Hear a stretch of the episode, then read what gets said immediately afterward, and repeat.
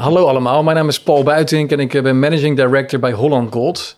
En uh, wij gaan de komende tijd een, uh, een aantal interviews opnemen met interessante gasten om te praten over het financiële systeem, wat daar niet goed gaat en, en hoe het beter zou kunnen. En ik heb de eer om mijn eerste gast aan te kondigen in deze reeks en dat is politicoloog Sander Boom. Sander, welkom. Dank je. Uh, je bent ook schrijver. Je hebt onder meer De Geldbubbel geschreven. En ben bezig met een, met een nieuw boek samen met Erik Mekking en Frank Nopers. Kun je kort iets zeggen over het boek? Ja, het, is, het, het boek heet Van Goud tot Bitcoin. en wat wij in drie delen behandelen is de rol van geld en schuld bij de opkomst en ondergang van wereldmachten. En dan, dan moet je denken aan Spanje, Nederland, Frankrijk, Engeland en uiteindelijk Amerika, waar we nu zijn. Ik pak het stokje in het tweede deel op om te beschrijven hoe het financieel systeem en het monetair systeem vanaf de Tweede Wereldoorlog is geëvolueerd. Het dollarsysteem, het euro-dollarsysteem. En dat heeft consequenties van waar we staan. En als je met die lens kijkt, dan kun je denk ik veel beter begrijpen waarom de rente laag is of zelfs negatief. Wat uh, overheden nu doen, hoe centrale banken zich gedragen. Uh, nou, dat, heeft ook, uh, daar, dat raakt ook aan de opkomst van de crypto-economie uh, die eraan komt en bitcoin. En in deel 3 uh, pakt Frank Knopers het stokje op en gaat eigenlijk uh, heel, heel praktisch in, oké, van, van als dit nou de voorgeschiedenis is van, van geld en schuld en de transitieperiodes daartussendoor, wat er gebeurde. Wat kun je dan concreet doen als uh, individu of als familie om, om, ja, om goed beslaagd ten ijs te komen? Dus ja. Waar moet je letten? hoe kun je goud kopen? Waar kun je het kopen? Zilver, cryptomunten, hoe, wat, wat zijn het überhaupt? En dat is een beetje in, en we ronden het af uh, met, een, ja, met een beschouwing van, van nou pak dat hele zwikkie nou eens even op en we leggen het neer. En hopelijk dat, dat mensen begrijpen, beter begrijpen hoe de wereld eruit ziet en waarom die eruit ziet. Ja, nou, ik heb al het, het geluk gehad om wat te, mogen leven van, te lezen van het laatste manuscript. Het, het is erg interessant. Frank Knopers die, die draagt ook met artikelen natuurlijk bij aan onze website. Het is hartstikke leuk dat hij dat boek samen met jullie schrijft. Ik ja. hoop het snel in zijn geheel te kunnen lezen. Wanneer verwacht je dat het uitkomt? We, we koersen nu op eind november. En uh, we doen dat overigens namens uh, Geo Trendlines. Dat is ons platform waar wij ook aan mensen laten zien dat deze transitie, dat, dat eindigt niet bij een boek. Het begint ook niet bij een boek. dat is ongoing. En uh, op Geotrendlines zijn we bezig met uh, ja, het uh, ook duiden, de actualiteit te duiden van, van, van wat gebeurt er en, en hoe moet je het zien. Ja, nou tegen die tijd moeten we nog maar een keer gaan zitten. Misschien ook met je co-auteurs erbij. Ja. De reden waarom wij hier vandaag heel concreet zitten is omdat jouw specialisme en het stuk wat jij beschrijft in het boek gaat vooral over de opkomst van het, het offshore dollar systeem, het euro-dollar systeem. En dat is een onderwerp wat bijna niet wordt besproken in Nederland, niet in het FD, niet door academici academici, uh, heel veel um, analisten, economen laten het ook buiten hun uh, beschouwing, vaak omdat ze er geen weet van hebben. Terwijl toch, als, als ik jou goed uh, begrijp, de basis is voor alle onevenwichtigheden in het financiële systeem en de stress die we meerdere keren hebben ervaren in 2008, in 2019 bij de repo crisis. dus het is denk ik belangrijk als we dat een keer goed uitleggen van wat is het euro-dollar systeem, hoe is dat tot stand gekomen en, en, en waar gaat dat naartoe en hoe kan het, ja, wat, wat, wat, wat is er goed, wat is er fout aan? Ja. Um, waar zou je willen beginnen? Ja, nou, het, is, het is een uh, omvangrijk um, um, uh, dossier. En het is voor heel veel mensen ook heel moeilijk te doorgronden wat het is, omdat, omdat wij gewend zijn. Je zegt het al, het is een, een, vrij onbekende wereld.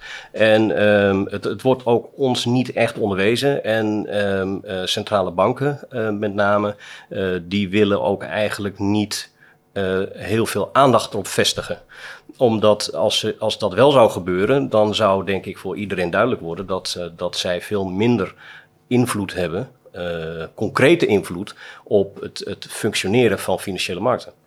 Ja. En, en, en dat maakt dat het een, een, een, een ja, niet zozeer een can't touch it onderwerp is, maar uh, er is inderdaad vrij weinig over bekend.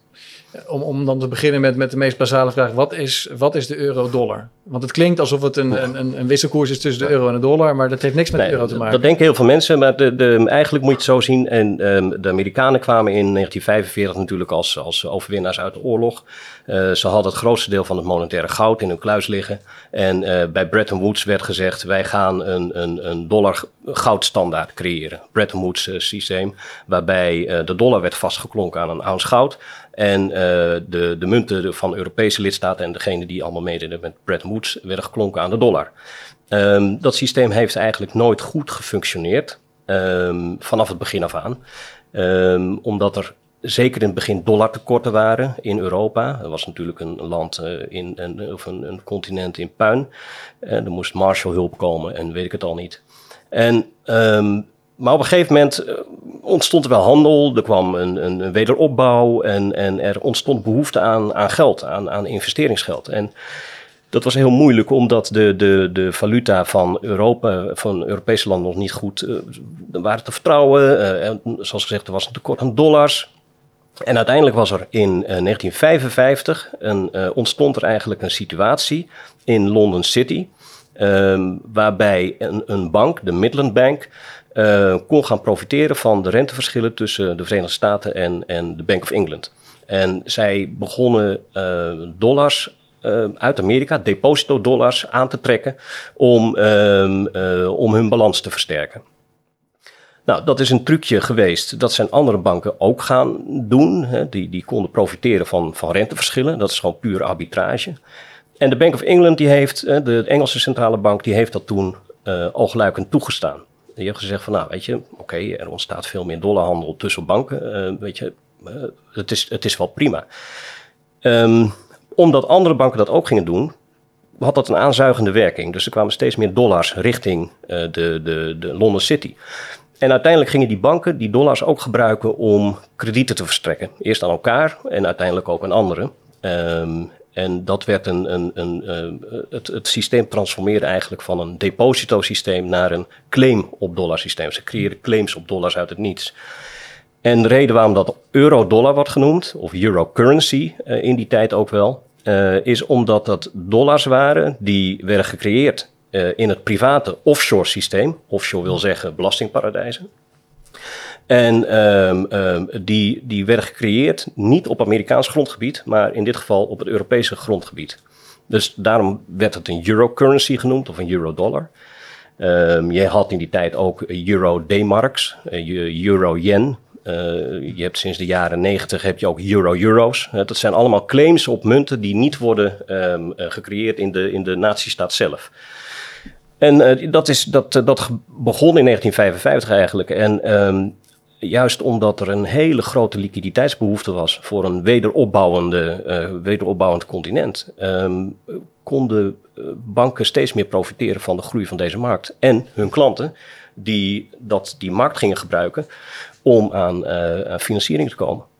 Dus het, het was een, manier voor Europa eigenlijk om, om zich via een betrouwbare munt uh, verder te ontwikkelen, verder door te groeien. En later andere delen van de wereld, die gingen er ook steeds meer gebruik van maken. Dus kun je stellen dat die offshore dollarmarkt eigenlijk uh, aan de basis staat van, van het wereldwijd gebruik van de dollar als, als wereldreservemunt? Ja, en, en uiteindelijk natuurlijk ook van globalisering. En uh, het interessante van, die, van het ontstaan van die euro-dollarmarkt is dat, dat dat heeft natuurlijk ook een geopolitieke component. Het heeft ook een, um, een, een, een, uh, een opportunistische component. Als je kijkt bijvoorbeeld naar de Bank of England, uh, die zag, hè, Engeland was een wereldrijk. er werd heel veel gebruik gemaakt van pond sterling tot de Eerste Wereldoorlog. Dat was devastating voor de, voor de Engelse economie. En uiteindelijk moest het pond sterling zijn dominante rol overgeven, overdragen aan de dollar. Maar de London City was wel, dat is een aparte entiteit met een eigen parlement. Um, dat was natuurlijk eeuwenlang wel um, de, de kern geweest van het mondiale financiële systeem. Um, op het moment dat die dollar opkwam en de Bank of England oogluikend toestond dat banken in dollars konden gaan handelen uh, in London City, hadden ze ook op het oog dat London City weer de functie van financiële wereldmacht terug konden krijgen. Als concurrent van Wall Street. En, um, en, en dus de Bank of England die had daar echt een goede reden voor om dat eigenlijk uiteindelijk ook zelfs te, te stimuleren. Ze zagen wel de, de, de, de risico's daaraan en dat is ook goed gedocumenteerd. Alleen de, de idee van groei van, van London City, dat had de, de boventoon. En de Amerikanen, die wilden eigenlijk heel graag dat um, de wereld de dollar omarmde uh, als, als wereldmunt. Want dat gaf hen enorme voordelen.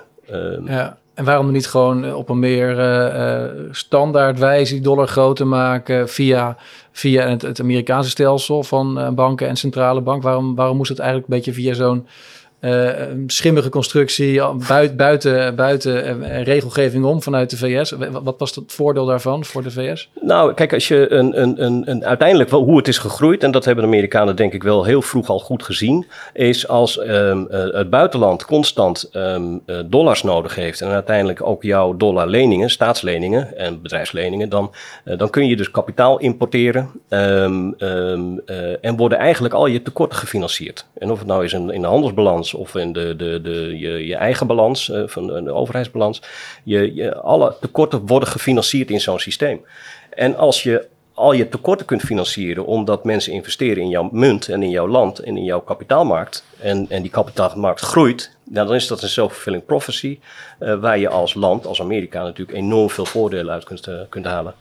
Ja, ja, de voordelen van, van de, de, de dollar als wereldreservemunt voor de Verenigde Staten, die zie ik. Uh, alleen ik, ik vind het zo uh, bijzonder dan dat er een, eigenlijk een soort van duaal systeem voor moest uh, ontstaan. Dus enerzijds de, de reguliere dollar zoals die eh, in, de, in Amerika zelf wordt gebruikt. Anderzijds de, de, de euro-dollar, die dan door de rest van de wereld wordt gebruikt. Nou, dat is, daar zit ook een hele. Kijk, eh, wat er natuurlijk in, in 1931 is 1929 de, de oktober de kracht, de aandelenkracht in Amerika. Um, die was tot stand gekomen ook op basis eigenlijk van, van uh, aandelen inlenen als onderpand om nieuwe aandelen te kopen. En dat gaat goed als de aandelenprijzen omhoog gaan. Maar dat gaat natuurlijk dramatisch fout als het allemaal naar beneden gaat. Dat was een, een enorme kracht die uiteindelijk ook is gaan doorwerken in het banksysteem. Je had een bankencrisis mondiaal van 31 tot 33. Natuurlijk de, de grote depressie.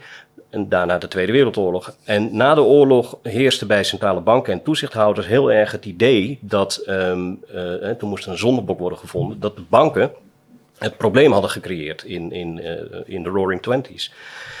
En als banken het probleem hebben gecreëerd, dan ga je ze ook reguleren. En op het moment dat je gaat reguleren, dus gaat, gaat ze echt omlijnen hoeveel um, uh, krediet ze kunnen creëren, enzovoort, enzovoort. Ja, dan is het, het geldsysteem niet elastisch genoeg om aan de vraag naar investeringsgeld te komen. En in die behoefte voorzag dus die euro-dollarmarkt, omdat die niet onder toezicht stond.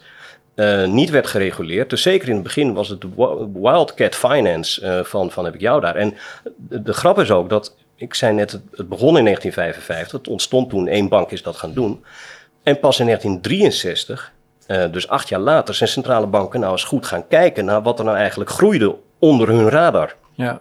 En dus acht jaar na dato kwamen ze ineens achter dat er een miljoenen, aan, in, uh, dat toen nog uh, omging in, in, in eurodollars. En pas toen gingen ze, gingen ze het meten.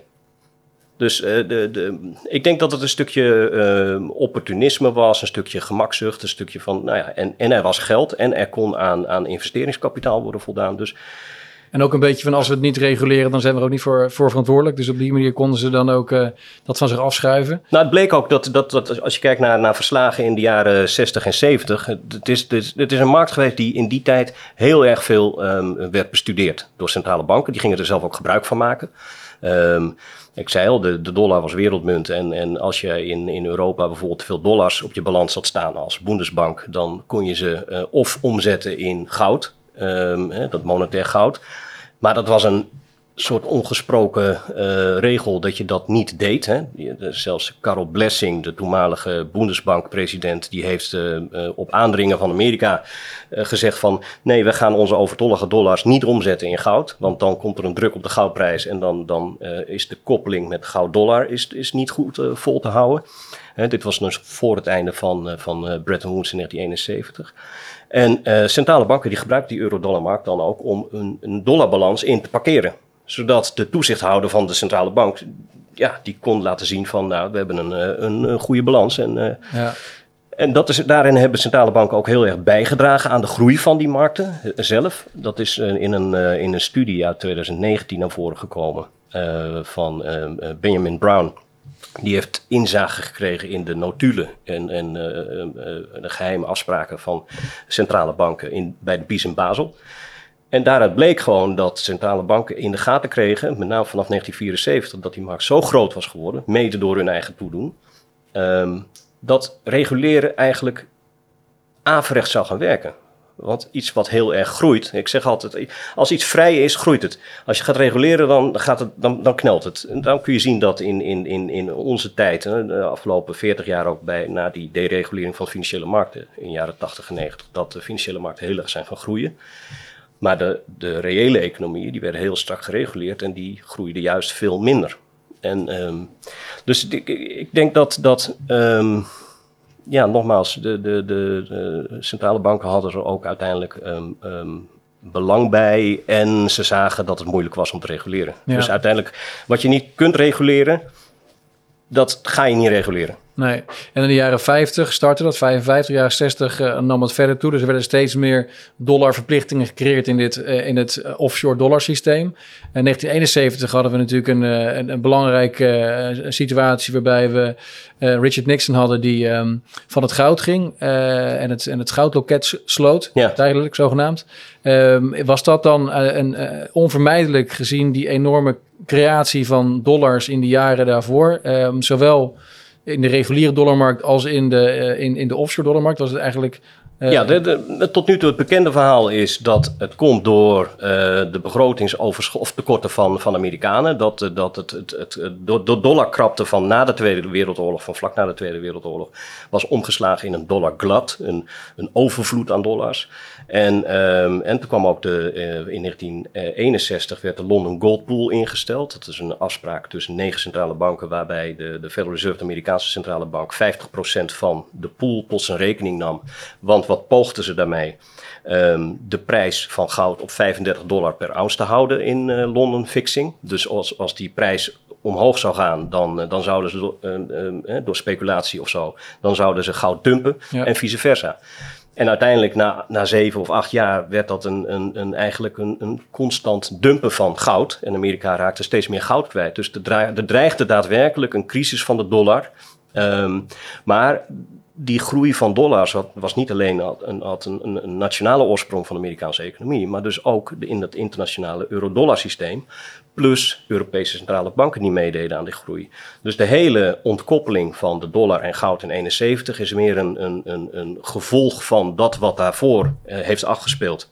En ze konden eigenlijk niet anders. Ja, dus de, de, centrale banken die uh, daar um, uh, heel erg negatief over waren, die ontkoppeling. Uh, dat, dat zijn eigenlijk, dat is hypocriet, want ze, hebben, ze stonden erbij en keken naar de jaren ervoor dat dat hele offshore dollar systeem zo groot is geworden, waar ze zelfs ook actief aan, aan, aan meewerkten. Dus zij hebben eigenlijk bijgedragen aan, aan die ontkoppeling van die, die on, tussen goud en dollar die niet te vermijden was. Exact. Dus, dus ja. wat dat betreft uh, uh, hypocriet. Ja, exact. En, en dat, dat is de, nogmaals, het is heel interessant om te zien dat dat heel goed bestudeerd is door centrale banken zelf. Um, eigenlijk tot 1984. Um, toen, is er, toen in, in 81, 82 werd in Amerika gekozen voor uh, dereguleren van financiële markten. Dus uh, de, de, uh, binnenlands was dat al goed op gang gekomen, maar toen lieten ze ook de, de kapitaalstromen vrij en, en banken mochten steeds meer. En, en vanaf dat moment zie je dat die, die markten eigenlijk steeds groter zijn geworden. En uh, uh, recht evenredig het bestuderen ervan is afgenomen. Want iets wat je niet kunt reguleren, zei ik al, dat, dat kun je maar beter loslaten.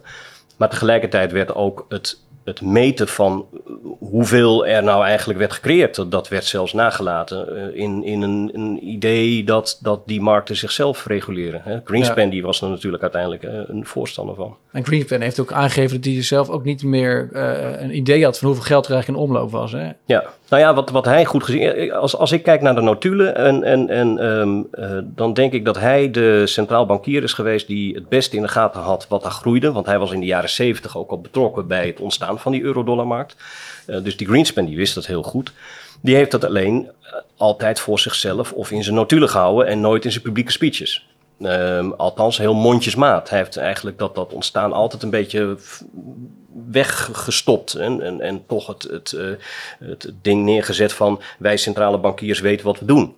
Terwijl eigenlijk wat daar gebeurde met die enorme groei van dat wholesale offshore systeem, was dat centrale banken steeds meer naar de periferie werden gedwongen van, van wat, wat ze nog vermochten in, in het systeem.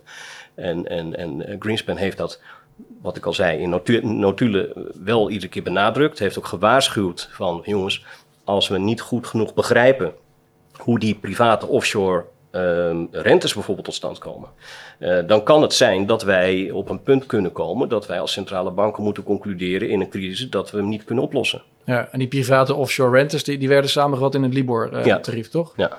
Ehm, en als je nog even dan kijkt naar de jaren 70, toen er ook een deal werd gemaakt eh, tussen Kissinger en, eh, en, en de Saoedi's.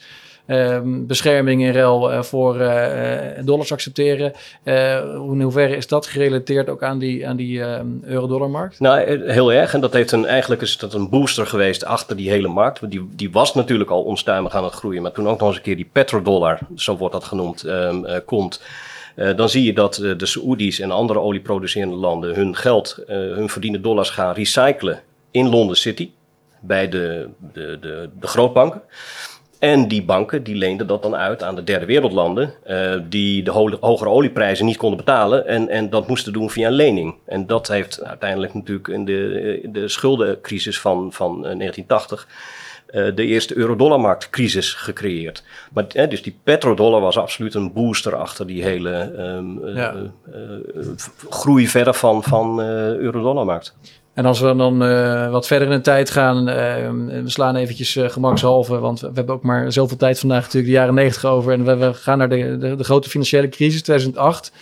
Eh, dat, ja, als je daarover leest, en of de, de, de meest eh, standaard lezing is, dat kwam door eh, de, de subprime hypotheken eh, in, in de Verenigde Staten, waardoor uiteindelijk banken elkaar niet meer vertrouwden. En, en, en nou, de rest eh, kennen we. Eh, maar hoe, hoe is jouw lezing van de grote financiële crisis ook gegeven de, de, de groei van de euro-dollarmarkt dan in, de in de jaren ervoor? Nou, eh, ehm, dan- daarvoor moet ik even een andere markt erbij halen. Eh, dat is de schaduwbankmarkt. Eh, kijk, die euro-dollarmarkt is van oorsprong een, interbankaire markt. En dat was in een wereld waarbij banken nog toonaangevend waren en eigenlijk de enige eh, instituties waren die kredieten konden creëren en allokeren.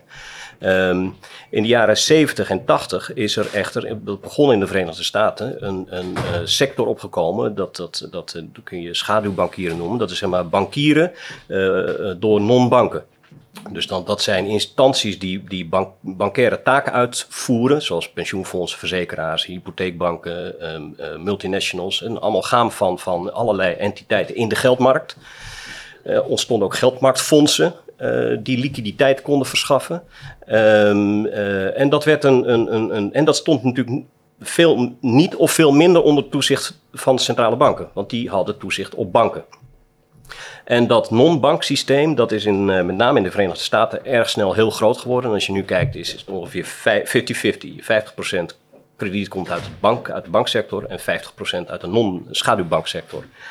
Nou, dat is eigenlijk begonnen. En die non-banksector die eh, financiert zichzelf met name op basis van onderpand. Ehm, en, en onderpand, eh, financieel onderpand. En dan moet je denken aan eh, staatsleningen, bedrijfsleningen, ehm, eh, kunnen aandelen zijn Hypotheken. eh, hypotheekleningen enzovoort. En, en eigenlijk alles wat als een security kan worden gebruikt om, om bronnen in te lenen, ehm, ehm, ja, dat, dat, daarmee kun je jezelf financieren op de markt. En daarmee financiert dus dat hele, die hele schaduwbankwereld zich. En dat, dat gebeurt op de zogenaamde repo-markt, de sale and repurchase.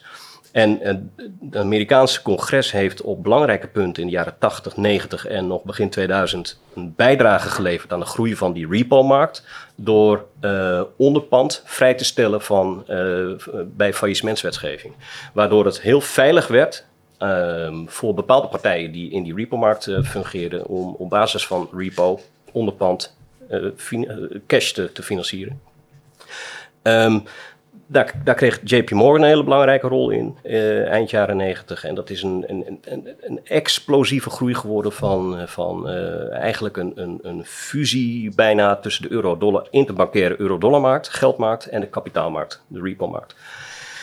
En dat groeide uitbundig. Ehm, Europese banken konden er goed aan meedoen. ING, bankverzekeraar, alles was zat in één. Dus de commerciële bank, zakenbank, verzekeringstak. Een grote Frankenstein. eh, dat is, eh, ze konden bij elkaar en, en ze gebruikten de hele balans om, ehm, om zichzelf op te pompen.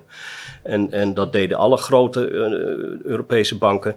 Eh, we weten allemaal nog dat dat eh, ehm, eh, geld van, van eh, ING werd geïnvesteerd in hypotheekleningen. Dat moest van de Amerikaanse regering, mocht niet worden geïnvesteerd in aandelen. Dus daar werden hypotheekbanken voor opge- opgericht. En in aanloop naar die kredietcrisis van 2008 ehm, werden hypotheekleningen gebruikt om hypotheken te financieren. En, en allerlei constructies waren daar. Uh, die hypotheken werden weer verzekerd door zogenaamde monoline verzekeraars, MBAC. En, en um, op het moment dat je, dat je dan een, een hypotheeklening verzekert, dan krijgt hij in plaats van een double A-status, krijgt hij een triple A-status, waardoor die weer veel makkelijker kan worden gebruikt bij een volgende transactie. En en dat ging allemaal goed zolang de huizenprijzen in Amerika stegen. Uh, tot ze begonnen te dalen. En dat was dus een cruciaal punt. Uh, ik noemde het er straks al de aandelenmarkt in 1929. In dit geval was het de huizenprijsmarkt. En als je dan je leningen financiert op basis van leningen en die leningen die dalen in waarde. En dat gebeurt over de hele linie en um, dan moet je uh, geld bijlappen, want je, een margeverplichting. En als je als bank ziet dat de hele markt omlaag gaat en je ziet dat de buurman dat, dat die ook een probleem heeft, dan heb je een collectief margeverplichtingsprobleem. En dat is eigenlijk die hele crisis geworden. Het, begon met een, een liquiditeitscrisis. En uh, die transformeerde heel giftig in een, een solvabiliteitsprobleem, omdat die hypotheekleningen steeds meer in waarde daalden. En, um, en, en dit probleem hebben met name centrale banken um, uh, niet goed ingeschat en niet goed zien aankomen. Vandaar dat, dat die crisis ook zo lang uitgesponnen is. En um, dat, ze, begrepen eigenlijk zelf niet. Kijk, ze, ze hebben het opgegeven om een markt te reguleren of te bestuderen. Uh, in de uh, idee dat je uh, financiële markten kunt sturen met je rentebeleid. Maar ondertussen was daar iets gegroeid waar zelfs centrale banken geen enkele zicht meer op hadden. Nee. En um, 2019 hadden we weer stress in het systeem. September hadden we een repo crisis. Wat was dat dan? Nou ja, in, na 2008, um, um, men, hè, de, de hele financiële sector en centrale banken uh, kwamen erachter dat er dus veel meer risico's verpakt waren in het mondiale wholesale financieel systeem, in dat euro-dollar systeem en repo systeem, dan vooraf ingeschat. En um, de, daarna hebben ze geprobeerd, één, met regulering een aantal zaken te uh, voorkomen. Banken wat meer solide uh, liquiditeits- en kapitaalbuffers te geven. Maar tegelijkertijd wat er is gebeurd is dat heel veel actoren, banken, hebben gezien dat bijvoorbeeld een Bear Stearns of een Lehman Brothers in, in een kwestie van drie dagen van volledig solvabel in failliet kon gaan. Ja. He, extreem veel uh, risico's. Dus na 2008 zijn is de repo-markt, dus het, het funden van je assets op basis van onderpand, um, eigenlijk de dominante factor geworden. En de euro-dollarmarkt, de interbankaire geldmarkt, die zo belangrijk was in aanloop um, uh, daar naartoe, um, die is eigenlijk verdwenen. Er zijn, geen, er zijn maar heel weinig transacties. Uh, Libor bestaat nog wel, maar wordt op dit moment uitgefaseerd, want centrale banken willen een ander tarief. Um, dus die, die euro-dollarmarkt, die interbankaire geldmarkt, die, die is een beetje non-existent. En alles is in die repo-markt. Nou, op het moment dat je daar een, een, een fundingprobleem krijgt, of omdat er te veel aan onderpand is, of een te veel aan cash, um, dan, dan is het marktmechanisme in die repo-markt verstoord. En, um, en dat is precies ook wat er in september 2019 gebeurde. Um, de Federal Reserve, de Amerikaanse centrale bank, heeft toen geprobeerd met een nieuw programma om de stress in die repo-markt weg te nemen. Het, het, probleem is alleen met, met die hele grote mondiale repo-markt dat het zo complex is en dat er zoveel partijen gebruik van maken. Dat als jij je balans openzet om stukken op te kopen, dan, dan roep je krachten op waar je geen overzicht over hebt. En ik denk dat dat precies is gebeurd wat um, um, in maart 2020 misging. De, de Federal Reserve heeft bepaalde stukken onderpand gekocht in aanloop naar maart 2020. Waar de markt in maart 2020 het meeste behoefte aan had. En dat kun je ook zien op de balans, dat is een beetje technisch, maar in ieder geval kun je zien dat ze um, de, de Federal Reserve in de tweede helft van maart 2020 subiet hun programma wat ze in september 2019 waren gestart, zijn gestopt. En um, dat komt omdat de, de, de, de hele Amerikaanse treasury-markt op dat moment illiquide was. En uh, we hadden in 2008 hadden we dus een probleem met, van liquiditeit in de huizen, hypotheekleningmarkt. En in maart 2020 was het in de treasury-markt. En dat is de belangrijkste markt ter wereld. Want op basis daarvan, van de treasuries en treasury bonds en bills, wordt de, de benchmark rente bepaald van huizenprijzen, van bedrijfsleningen, van, van allerlei derivaatcontracten. Dus het zag een infarct uh, van, van ongekende proporties. Ja, en je gaf net aan dat, dat uh, die euro-dollarmarkt non-existent was uh, in, de, in de aanloop naar september 2019. wat, wat, wat bedoel je daar precies mee? Was die markt helemaal weg? Was nou ja, de, de, de banken die, die zijn door centrale banken, commerciële banken zijn door centrale banken volgestopt met excess reserves door hun quantitative easing programma's. En, en daardoor hebben banken eigenlijk altijd voldoende liquiditeit. Dus ze hoeven nooit bij elkaar te lenen om um, um, ja. aan hun reserves te, te voldoen. En, um, en daarin zie je dat, we hebben ook een, een mooi grafiek in ons boek opgenomen, waarbij je de op, de, de, de kunt zien hoe snel dat gegroeid is en hoe snel dat ook na 2008 is ja. ingestort, die euro-dollarmarkt.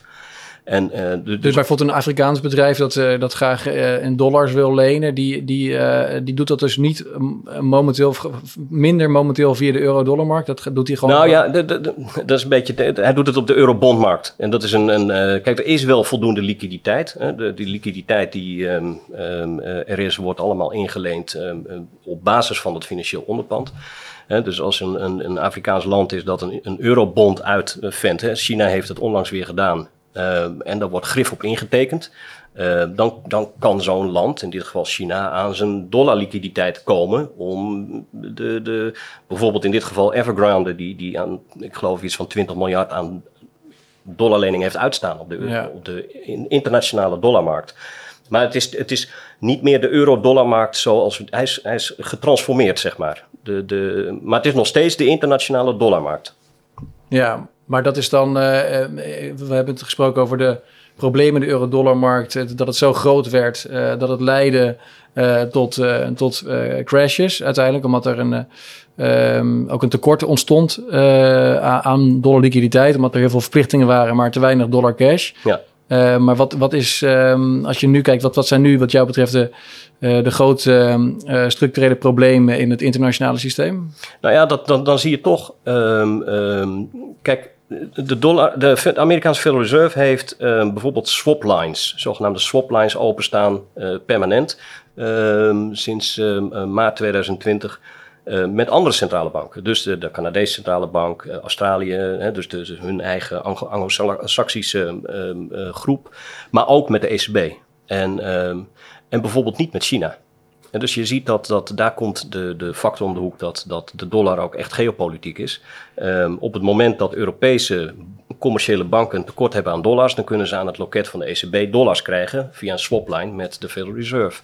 Um, maar er zijn ook heel veel mensen die niet aan dat loket mogen komen, zoals vermogensbeheerders of hedgefunds. Dus de, de, uh, er is in de markt een, een, er leeft een idee van er is permanente liquiditeit.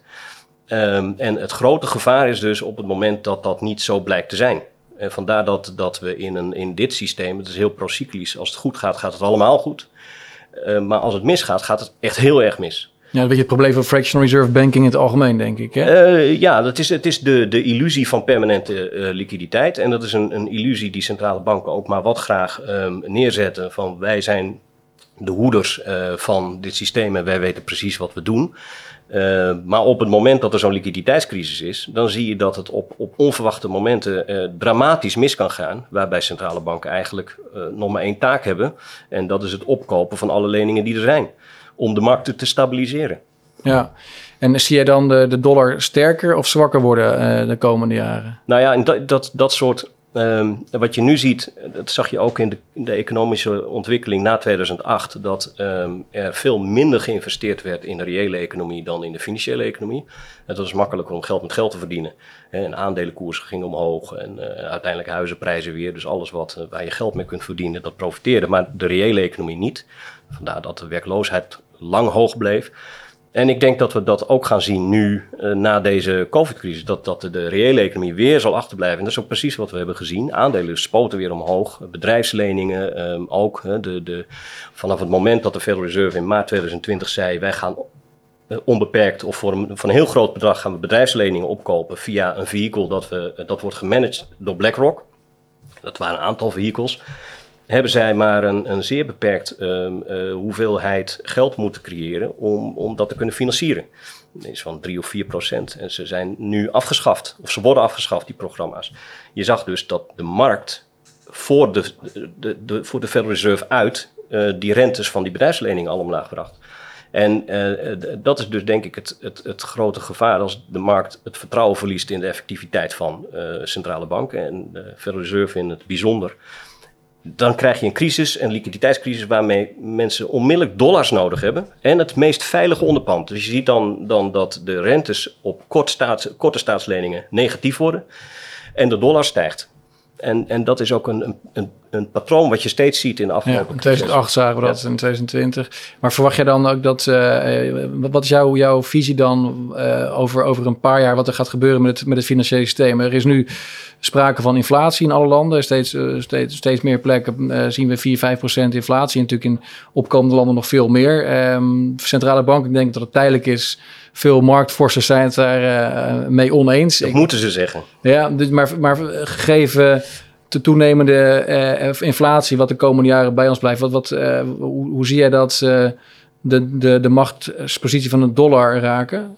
Nou ja, wat, wat heel interessant is, is dat de afgelopen juli kwam er een rapport van uh, de G30. En de G30 is een groep van um, gepensioneerde centrale bankiers en gepensioneerde minister van Financiën. Die hebben ook nog te zeggen over hoe het systeem in elkaar steekt. En zij bestudeerden de kracht in maart 2020. En ze zeiden ook van dit was een bijzonder gevaarlijke kracht die, die niet meer mag voorkomen. Maar ze hebben dus gezien met z'n allen dat de Amerikaanse treasury-markt ook illiquide kan worden. En dat is een enorm gevaar voor de mondiale economie. Want als die illiquiditeit echt doorzet, dan hebben we met z'n allen een blauwe hoed. Dan heb je acuut een mondiale depressie. En met alle gevolgen van dien, ook geopolitiek. Ja, dus dat gaan ze kosten, wat kosten uh, voorkomen? Nou, dus ze hebben een aantal voorstellen gedaan in het rapport. En, en een daarvan was een permanent noodloket um, uh, in de repo-markt, voor de repo-markt. En de Federal Reserve heeft letterlijk een week of twee, nee, letterlijk in diezelfde week dat het rapport van de G30 uitkwam, um, ingestemd met twee noodloketten. Eén voor de private markt, wholesale.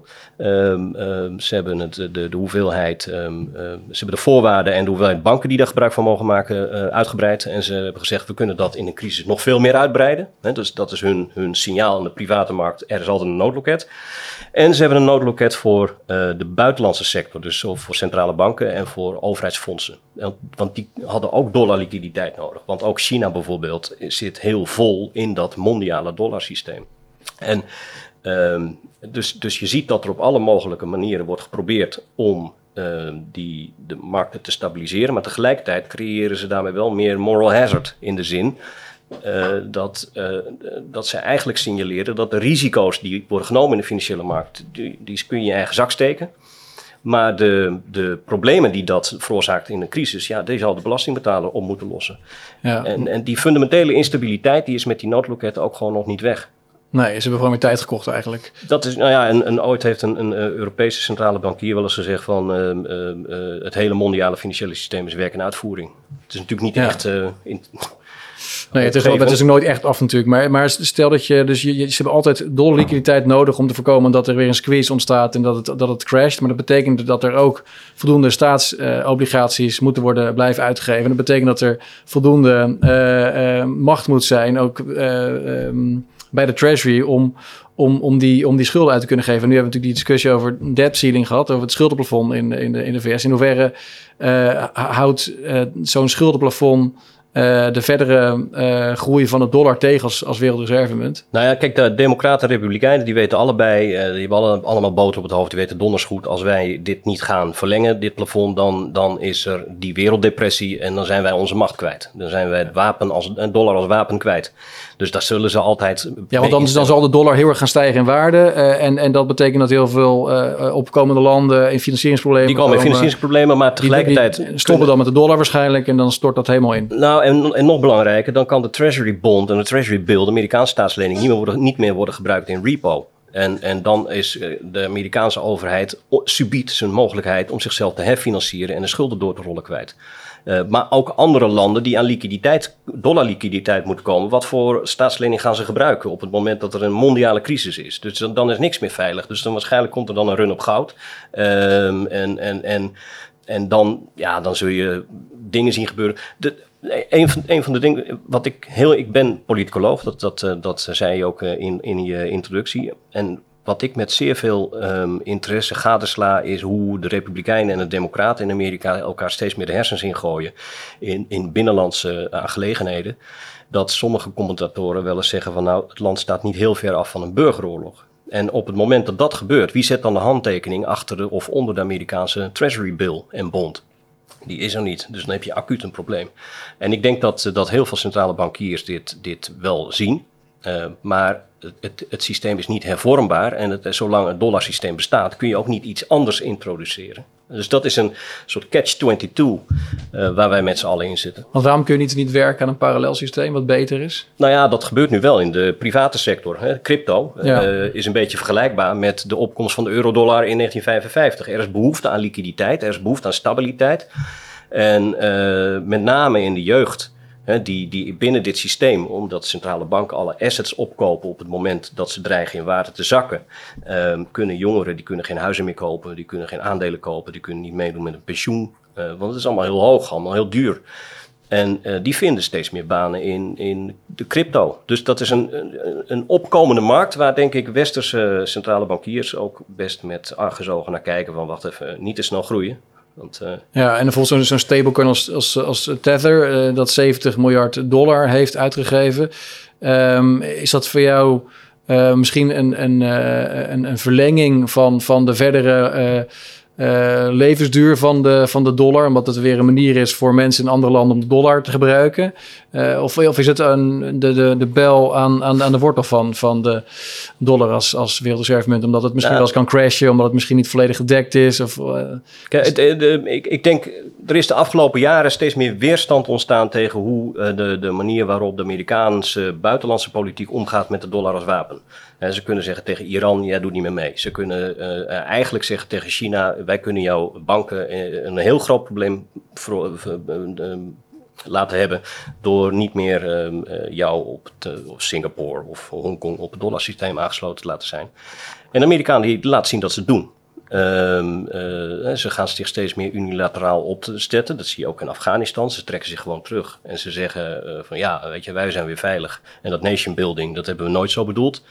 Terwijl de Europeanen dachten van we zijn daar bezig met nation building. Dus daar ontstaat heel veel frictie op de, op de lijn. En dan heb je Afrikaanse landen die, uh, die een probleem hebben met de dollar. Heel veel landen zijn gedollariseerd. Die willen eigenlijk misschien wel eens af van die dollar. En die dus, krijgen straks natuurlijk de digitale eh, yuan uh, waar ze gebruik van kunnen gaan maken. Ja, of, of ze willen niet. Hè. Dat, dat heeft ook een vrijheidscomponent in zich. Want die munt die is programmeerbaar. En ja. in hoeverre wil jij als, als land onderhevig zijn aan programmeerbaar geld. Waarbij je in één keer uit de equation kan worden geschreven. Dat je ineens niet meer kunt herfinancieren. En naar de Chinezen moet luisteren. Dus het, het, het, wordt een hele interessante strijd. En, en, um, um, en het zou best kunnen zijn, en, en nogmaals, centrale banken die kijken daarnaar, dat als via netwerkeffecten dat hele crypto-systeem heel snel uh, kan groeien, dat je net als met die eurodollarmarkt in de jaren 60, 70, dat je uh, op een positie komt als toezichthouder of als centrale bank van nou, je kunt maar beter meedoen dan er tegen vechten. Ja.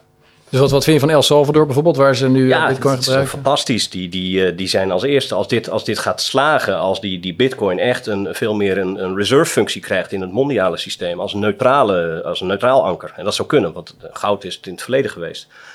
En, en als, de, kijk, als de dollar stijgt in prijs of in waarde, um, dan doet dat pijn. Dat doet dat pijn voor de Amerikanen, dat doet pijn voor de mensen die zich hebben gefinancierd in dollar. Maar als Bitcoin stijgt in waarde. Ja, bitcoin interesseert het geen bal. Dus uh, het is een, een neutraal anker um, wat, wat steeds meer navolging zou kunnen krijgen. En uh, hoe uh, zie jij de euro in dit uh, licht als alternatief voor?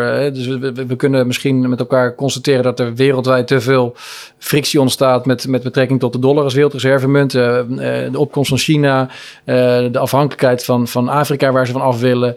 de, de fragiliteit die sowieso ingebakken zit in dit, in dit systeem van de dollar. Ja. dus er zal op een gegeven moment een keer een alternatief komen of meerdere alternatieven. We hebben Bitcoin al gesproken, goud noemde je, maar uh, hoe zie jij de euro uh, en de toekomst van de euro? Nou, het, uh, kijk, de euro is ooit opgezet. Um, um, die, de, de, aanvankelijk um, hinkte de euro op twee gedachten.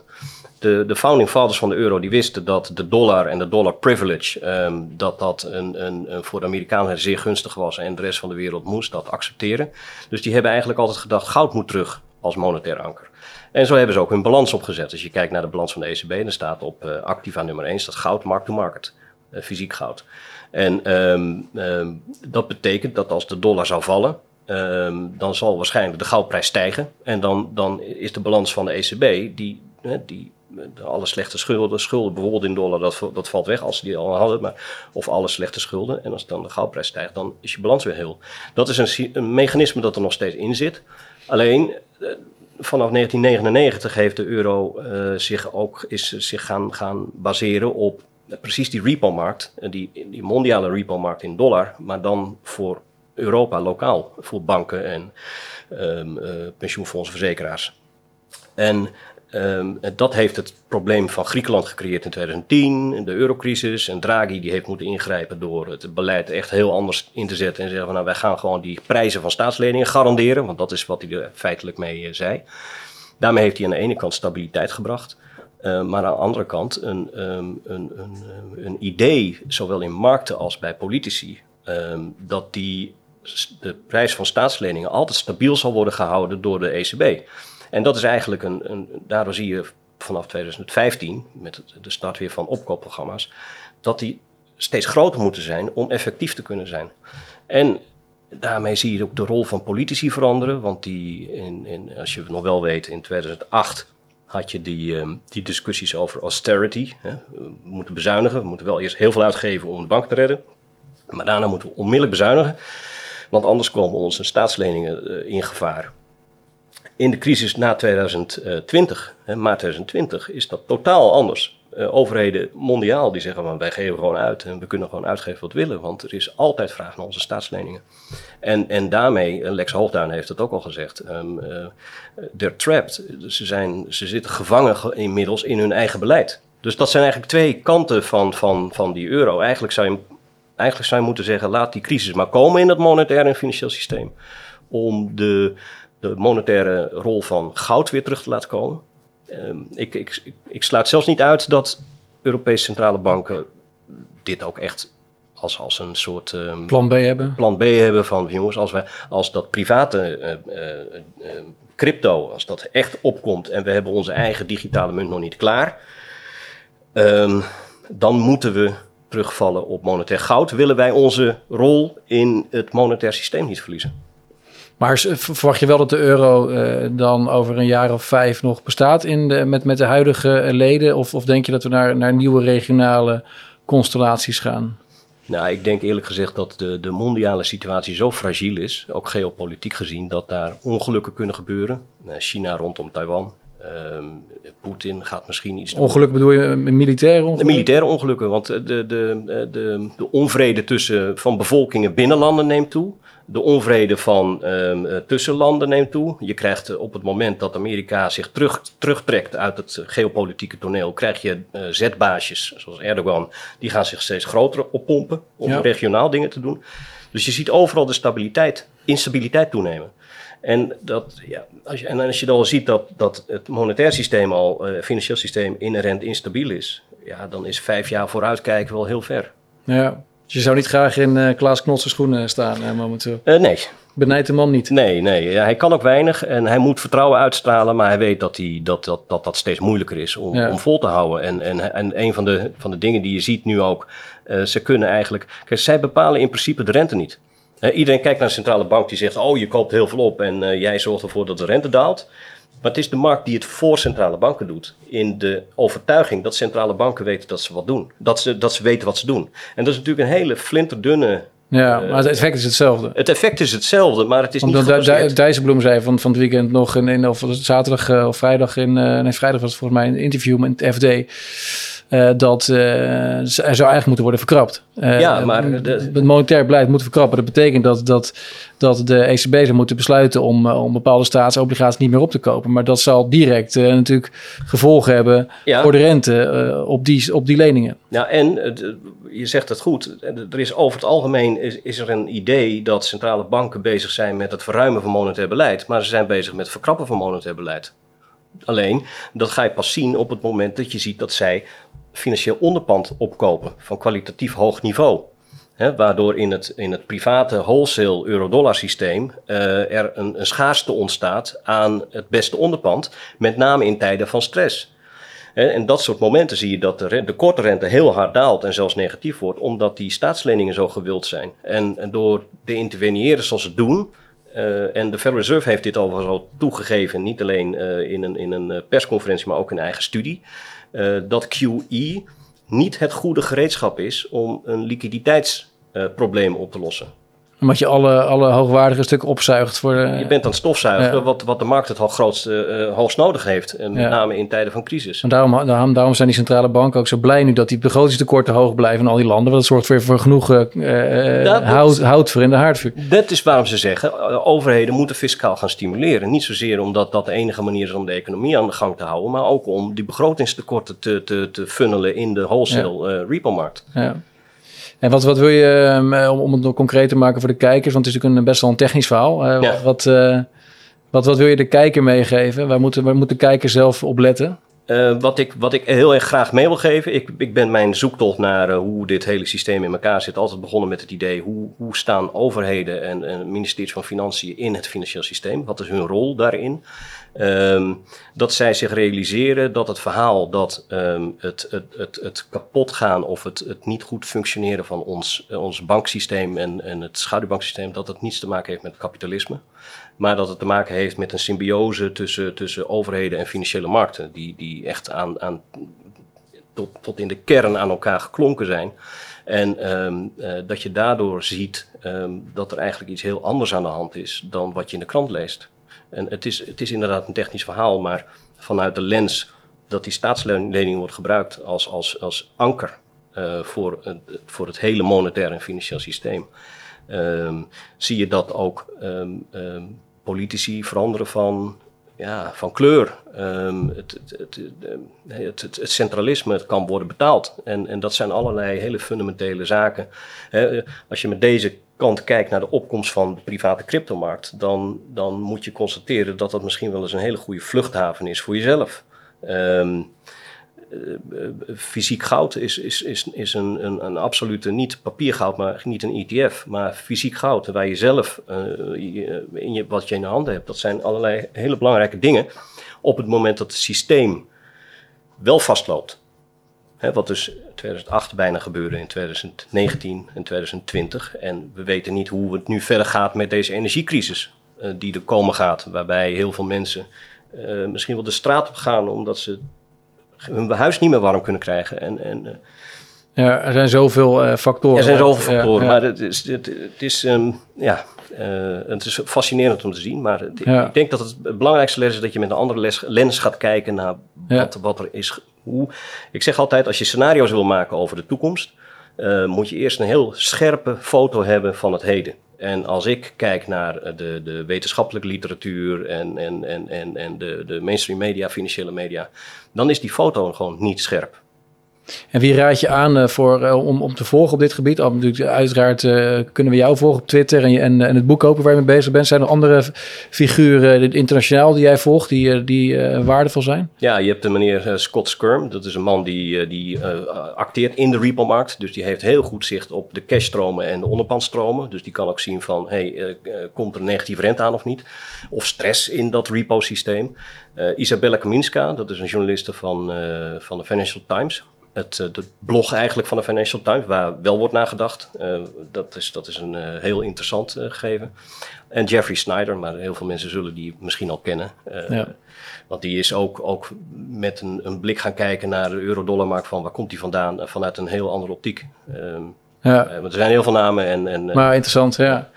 In mijn boek trouwens, uh, of in ons boek, staat achterin ook een hele literatuurlijst van, van zowel boeken als um, um, papers, wetenschappelijke ja. papers. Ja. Nou, we gaan zeker nog wel een leuke actie doen met je boek. we hebben er een aantal van besteld om, om met onze klanten iets mee te doen, maar dat, dat volgt nog. in ieder geval bedankt voor nu, voor dit, voor dit fascinerende gesprek over een moeilijk onderwerp. Maar ik hoop dat het voor de kijkers wat helderder geworden is. En ehm, ja, kijk er naar uit om, uh, als het boek straks uit is, om nog een keer met elkaar te zitten met, uh, met Frank erbij. Ja, lijkt me om, leuk. Uh, om nog wat andere dingen te bespreken. Dus dank, Sander. Graag gedaan.